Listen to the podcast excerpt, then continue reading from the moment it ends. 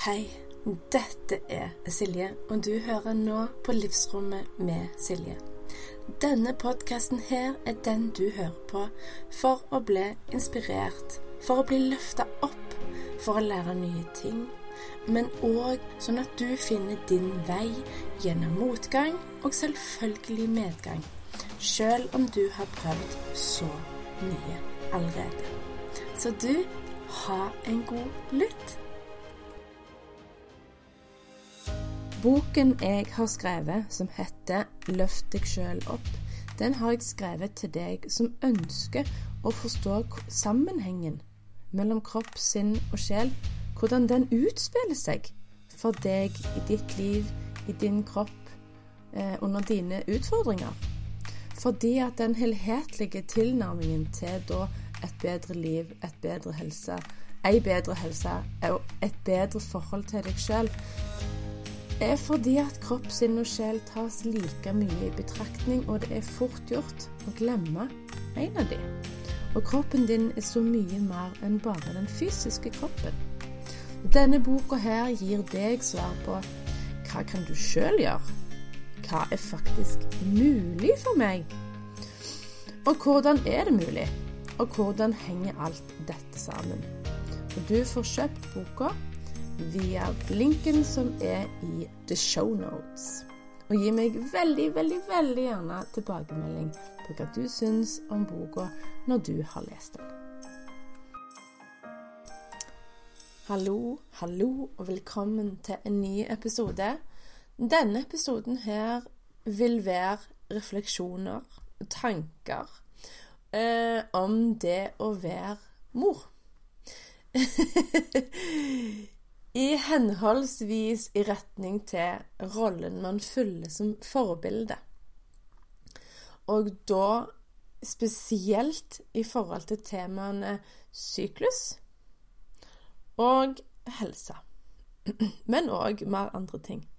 Fordi vi voksne mm, Gjerne Altså, det går jo an å si spesielt mødre, eh, men jeg tenker òg Det gjelder egentlig begge begge parter, begge foreldrene, om det er to, enten det er mann og mann, mann og dame, dame og dame, det betyr ikke så mye, men rollen du fyller som foreldre, det vil si at du er et forbilde for dine unger som de ser opp til. Du er den som blant annet som de observerer, som viser en slags mal over hvordan ting både kan være, skal være, av og til kanskje må være, burde være. Eh, men så er det det aspektet og i forhold til syklus. Spesielt for deg som er mor, som har døtre.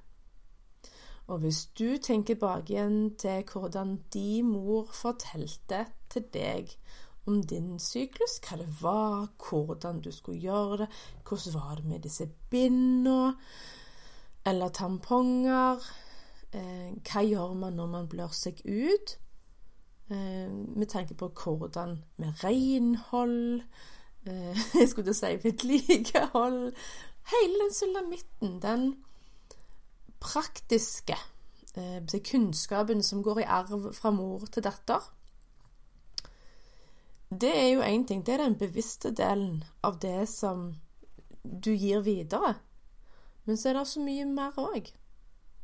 Så hvis vi spoler eh, fremdeles litt tilbake igjen i tid, så kan du tenke tilbake igjen til den opplæringen eller den erfaringen du fikk når, når mor og de prøvde å lære deg, eller lærte deg.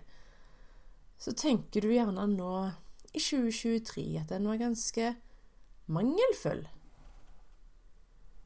Men eh, Og at eh, det var mye skam, litt tabu, det var skittent, det var mye sånn forbehold rundt det. Det var ikke noe vi snakket om eh, offentlig. Det var heller noe kviskring, tisking i på en måte kulissene. Det var i hvert fall ikke et tema rundt middagsbordet. Det var hysja ned. Det var sånn Hysj, far trenger ikke høre om dette. men vi trenger faktisk åpenhet om dette. Eh, dette òg. Eh, så selv om du befinner deg i den situasjonen nå hvor du enten er i gang med å formidle denne kunnskapen videre til din neste, den neste generasjonen med menstruerende kvinner, eller du har ei yngre jente som du vet får mensen en gang.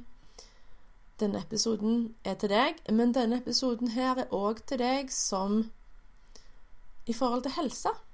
I forhold til det å ta vare på seg sjøl, i forhold til det å sette grenser.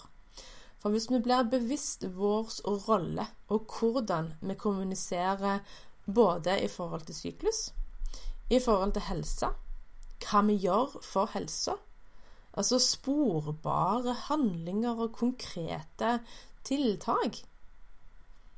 Eh, og det viktigste med helse er at vi tar ansvar.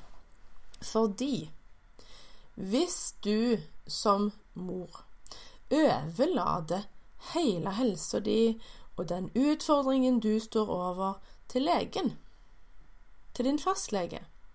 Hva inntrykk gir du videre til dine barn?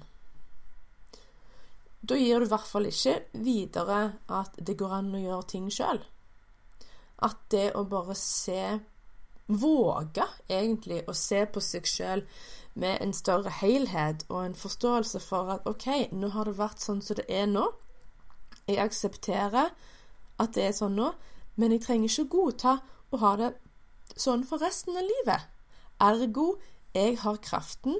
Jeg kan justere ut ifra den kunnskapen jeg kan tilegne meg. Det trenger ikke være at det er noe jeg kan nå. Men bare det der å ta eierskapet og ansvaret tilbake. Og det der å ta vare på seg sjøl, vise i praksis. For ungene de observerer jo hvordan det er at du tar vare på deg sjøl.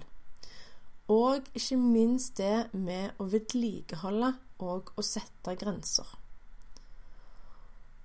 Å kunne stå stødig mens du formidler at nå er det nok.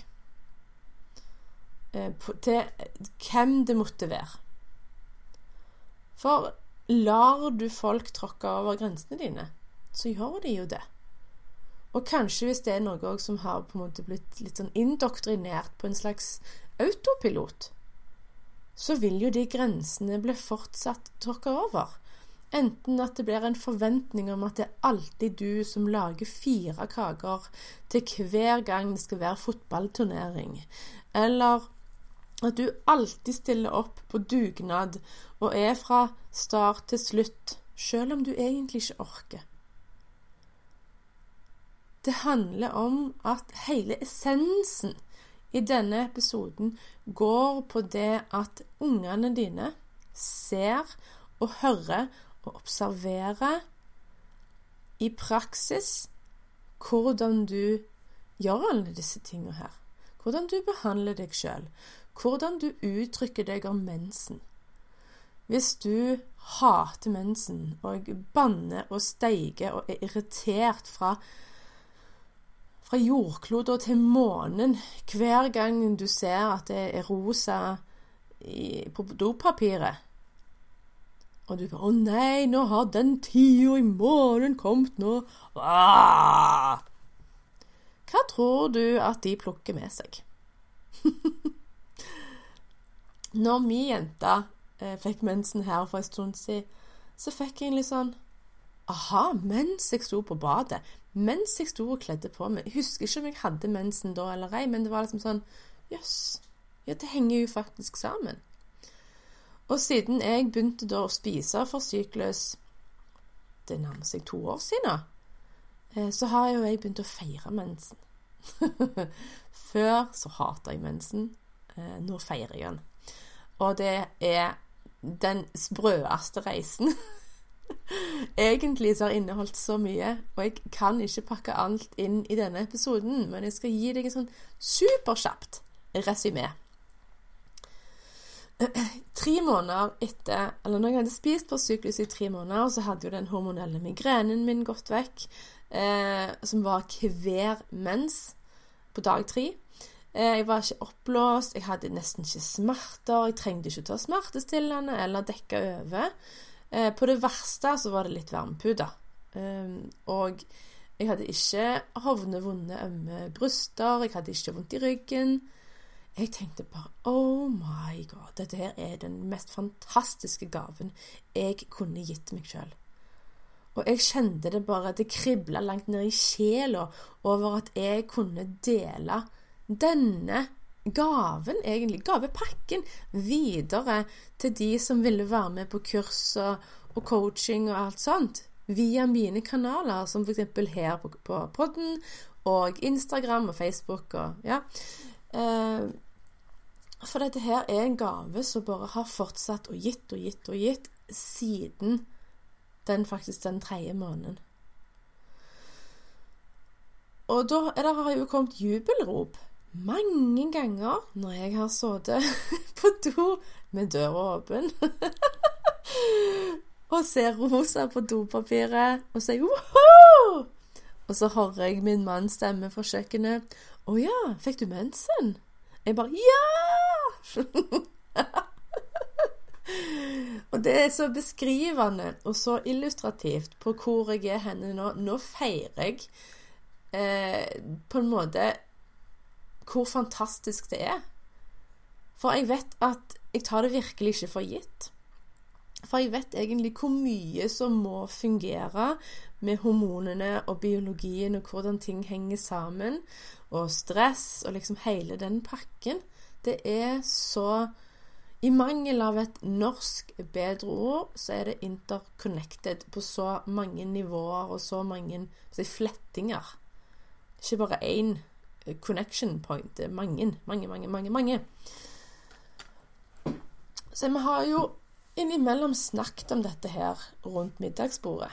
Nå er heldigvis eh, alle forstått med at det her er kjempenaturlig, det er vanlig, syklus er fantastisk, og det er superkrefter i alle fasene i syklusen, og det handler om sjøl for en 13-åring å være litt eh, på en måte i forståelse med de. Når er det jeg orker å gå ekstra på trening? Når orker jeg mindre? Når eh, er det lurt å tenke på at jeg trenger ikke være så sosiale.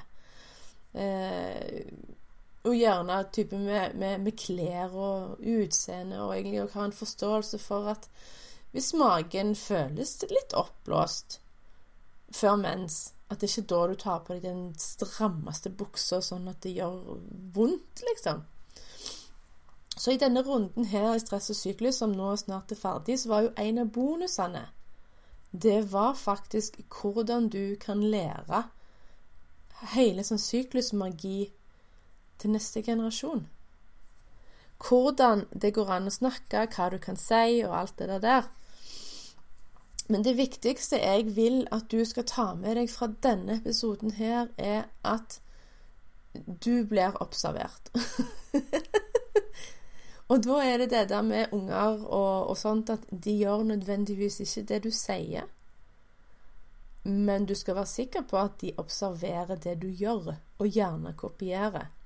Og prakteksempelet her er, som jeg har sett altfor mange ganger, som jeg egentlig gjerne har slutta å irritere meg for jeg vet at det, det, jeg får ikke gjort så mye med det, selv om jeg har prøvd.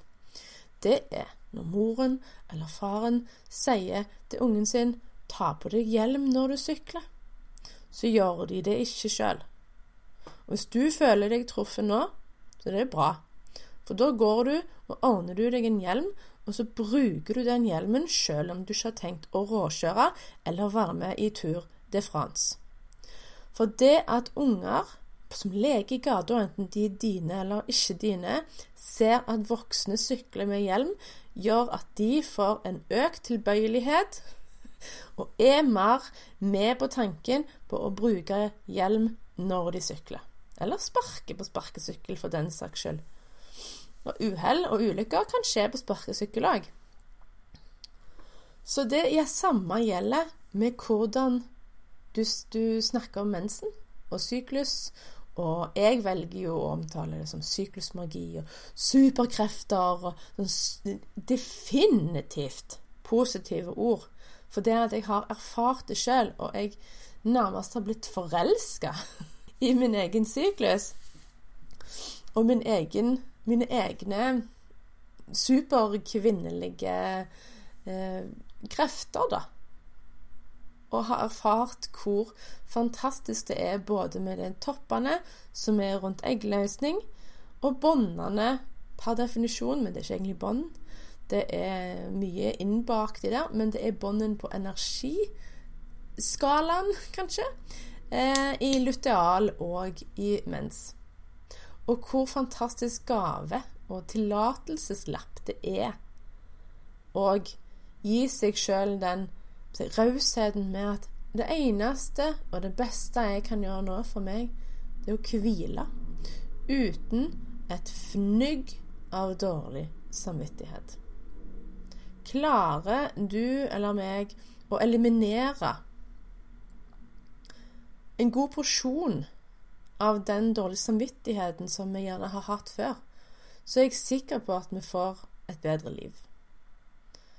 For den dårlige samvittigheten, den, den stjeler mye energi. Og det med helse Vi har jo nå hatt ei jente som har strevd med, med noe. Og eh, hun var veldig åpen for en mer helhetlig tankegang eh, enn kun lege. For det som jeg òg har lært om medisinstanden, altså helsesegmentet, da, i forhold til manglende helhetlighet, er det at når de forsker og skal se effektive medisiner, og liksom kunne, i den grad en lege kan eh, garantere effekt av noe, så skal de ha muligheten til å I forsøk og testene og liksom double blind study, det er jo gullstandarden, så skal de ha muligheten til å teste med placebo. Og i forhold til Det er så bra eksempel, men i forhold til det å spise rene råvarer, altså sånn ingredienser, eh, spirer og økologiske grønnsaker og, og, kjøtt rett fra bonden og egg og spise altså råvarebasert. Eh, er det vel egentlig ingen tvil om at det er good? Men hvordan kan de ha placebo for det? Skal folk spise med bind for øynene og bli fortalt at nå får du eh, en halvliter liter god Eh, mens egentlig så er det brokkolismoothie. Altså, det, det, går ikke an, faktisk, med sånn som det er paradigmet er nå i, i Helse-Norge, eller helse, helsesektoren, så funker ikke den helhetlige tilnærmingsmetoden. Den passer ikke inn i paradigmet som er nå. Så det er veldig mange Eh, fantastiske suksess, suksesshistorier som jeg har både hatt gjester av på podden, hvis du blar deg tilbake. Jeg husker Vigdis med diabetes. Jeg husker Torstein med kreft. Jeg husker Therese med kreft. Og det er sikkert mange andre òg som jeg ikke husker, for jeg vet jeg har hatt flere. Men nå er vi jo over 100 episoder. Og hadde jeg huska alle hundre, så hadde jeg blitt overraska av meg sjøl, for det er ganske mye som skjer i livet nå. Eh, så det er det der å trø ut av boksen. Og jeg er sikker på at en gang i framtida så har vi et helsevesen som inkluderer mer enn det det inkluderer nå. Og det er jo òg da jeg tenker at helsevesenet, eh, helsesektoren, er en av de sektorene i Norges samfunn i 2023 som trenger veldig sårt et paradigmeskifte. Og det har jeg egentlig tenkt i, i mange år allerede, og det er jeg garantert ikke alene om. Men hvis vi ser det fra på en måte det narrativet som det er meint å være, så skjønner jo alle at det, det går ikke an å putte denne puslespillbrikka inn som da råvarebasert kosthold inn i en plass det ikke passer. For det passer jo ikke inn, rett og slett. Så jeg tenker at det er komplementærmedisin. Selvfølgelig skal vi bevare, og jeg er supertakknemlig for den akutte delen av eh, helsesektoren og medisinstanden, da, om vi kan si det på den måten. Men det er mye av det andre jeg, jeg ikke er veldig imponert over, da. Og samtlige i, ganske nylig har fått beskjed i forhold til kreftsykdom at kost har ingenting å si. Du kan spise hva du vil, og det vil ikke påvirke kost, eh, kreften. Det syns jeg er en veldig bastant setning å si når det er så mange suksesshistorier som forteller noe annet. Og det som òg er tankegangen min når jeg fiksa leddgikta mi i 2017-2018, er at hvis jeg finner ut hva kroppen min har mangler av, hvis jeg finner ut hva kroppen min trenger, men ikke får, fordi at jeg ikke er bevisst det, så kan mye magisk skje. Fordi at da har den altså den kroppen, den, den kroppen min Da får kroppen min de byggesteinene og de på en måte legoklossene som den trenger for å på en måte fullføre eh, prosesser, men jeg skulle si prosjekter, men òg sånn at det blir komplette da, bygninger, hvis vi kan si det, i, i celle og næring, og tilgjengeliggjort næringsstoffer. For kroppen trenger mineraler og vitaminer. Og hvis for en eller annen grunn du har for lite av f.eks. magnesium, så Og det Altså, det er mange ting magnesium kan spille inn i. Så det å være åpen og bevisst på gavepakken, som er både i Jeg vil ikke si alternativmedisin engang. Jeg vil si komplementærmedisin. Og det som jeg òg har lest i en, en, bok jeg nylig kjøpte av Sara Gottfried, eh, som da handler om syklus og hormoner, er at hun, jobber, hun, hun, er jo lege og jobber med dette her. Hun kaller det for presisjonsmedisin, og det syns jeg er så deilig ord. For hun går på en måte inn i kroppen, finner ut akkurat hva som mangler, og så tilfører man det. Og det er òg litt sånn som så biopatiet. Det vil jeg òg nesten si er presisjonsmedisin. Selv om i Norge så har vi ikke lov egentlig å si det, for det er jo alternativt. Så da er det komplementær. Det er i tillegg. Og verdien av å styrke kroppen og støtte alle prosesser som man da finner funn av i de undersøkelsene en biopat gjør, at de trenger støtte, at de er på en måte under middels. Mye, mye magi kan skje der. Så ja, vi har eh, Vi kjører to parallelle løp på vår, på min, vår datter. Eh, og eh, har tenkt å være åpen om det til leger. Eh, om at du tar vitaminer og mineraler og tilskudd for å støtte kroppen. Eh, mm. Så livets utfordringer Det vil jo alltid være noe.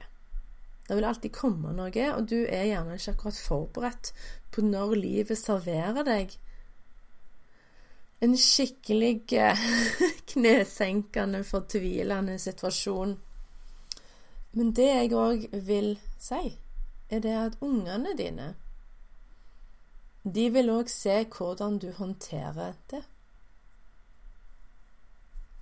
Om man ser på det sånn Ja, her går det nedenom og vest. Her er det bare å legge seg ned, gi opp og grine. Det her kan jeg ikke fikse uansett, så da bare gidder jeg ikke å prøve engang. Eller min taktikk, min strategi her når jeg møter sånne ting, er både å spørre meg sjøl hva kan jeg lære ut av dette? Hva godt kan komme ut av dette? Men òg se på Det blir nesten som en tentamen eller eksamen i det å være menneske. Se på det som en mulighet til å lære noe nytt. Og hvis man da ikke får det til, eller strever ekstra mye, at man da tar på seg hatten av å være ekstra løsningsorientert og speide etter potensielle løsninger. Eh, for det, det å bare overgi seg, det er iallfall ikke noe jeg har i meg. Jeg er ikke den som gir opp. Jeg er den som av og til blir senka ned i knestående og er superfortvila og kjempelei og griner og, og eh, føler at hjertet brister. Men jeg reiser meg igjen. Og eh, det vil òg ungene se. Så det der med å være forbilde, det å ha barn, det krever, tenker jeg, en større forståelse og bevissthet rundt hva det egentlig på en måte signaler eller kommunikasjon du sender ut til dine unger. Og hva vil du de skal ta med seg videre inn i sine voksne liv? Ha det større bildet på en måte i mente foran deg når du da på en måte reflekterer litt over dette. For jeg hadde en coachingkunde. Jeg har hatt veldig mange coachingkunder, men en av de husker jeg spesielt godt. For det var et eller annet med som hun gjorde, som egentlig i praksis saboterte seg sjøl i forhold til et eller annet jeg faktisk ikke husker. Og så sier jeg sånn Ja, men du, hva hvis dattera di om ti år går og gjør akkurat det som du gjorde nå. Hadde du syntes det var greit? Hun bare Oi, det har jeg ikke tenkt på. Så vi behandler Altså, det òg med å sette grenser, la folk tråkke over grensene våre eh, Det å ta vare på oss sjøl, det å behandle oss sjøl bedre, det å senke forventningene til oss sjøl, det er òg sånne ting som veldig fort kan gå i arv til neste generasjon, med mindre du er bevisst. Og endre gjerne litt på hvordan du snakker om faser i livet, snakker om utfordringer, snakker om mensen, snakker om bind og blod og føds, ikke minst fødsel òg. Jeg, eh, jeg fikk snakke med noen jenter her som aldri kunne tenkt seg å føde, fordi mødrene hadde sagt at det var så vondt at de, de ville heller adoptere en hel skokk med unger. Og det er flott at de vil adoptere, men jeg vil ikke at de skal gå hen i liv, videre i livet og tro at de skal eh, aldri kunne bære fram sitt eget barn fordi at det er for vondt. For er det noe tre fødsler har lært meg, så er det veldig mye det med eierskap, ansvar, forberedelse. Selvfølgelig kan det skje akutte ting der òg, men da tar man det når det skjer. Men det du kan gjøre i forkant, er fantastisk. Og nå er det jo kurs på nett og kurs her, og smertefri, smertefri fødsel og masse, masse bra. Så jeg, synes, jeg har sagt til mine unger at ja, det var vondt å føde. Men det var fantastisk. Og jeg kunne gjerne gjort det igjen. Fordi at det å spille på lag med sin egne urkvinnefødekraft var noe av det råeste jeg har opplevd i mitt liv. Det er når man tar kontroll det er når man tar eierskap. Og en gang, jeg tror det var i fødsel nummer én eller to, husker ikke, så heiv jeg to var det, så heiv jeg ut jordmora fordi at hun hadde sånn sinnssyke eh, roseparfyme som egentlig lukta gammelt. Jeg klarte det ikke. Eh, bare det å si ifra Jeg visste ikke i fødsel nummer én at man kunne hive ut jordmor og få en ny. For det, den fødende er faktisk den viktigste. Um, og i fødsel nummer én så følte jeg meg forplikta, sånn flink pike-greier, til å bare adlyde jordmora, for hun visste jo best. Hun hadde jobbet, jobbet med dette her i 40 år, nesten. Gjerne ikke 40. Men hun, var, hun har pensjonert seg nå. Men hun fortalte meg det, at alle hennes fødende passet inn i hennes oppskrift. Og da var det sånn og sånn forløp, og så var det epidural, og så var det så mye åpning. Og så var det selvfølgelig altfor mye intervensjoner, og det ble klipp og sy og lim og ja.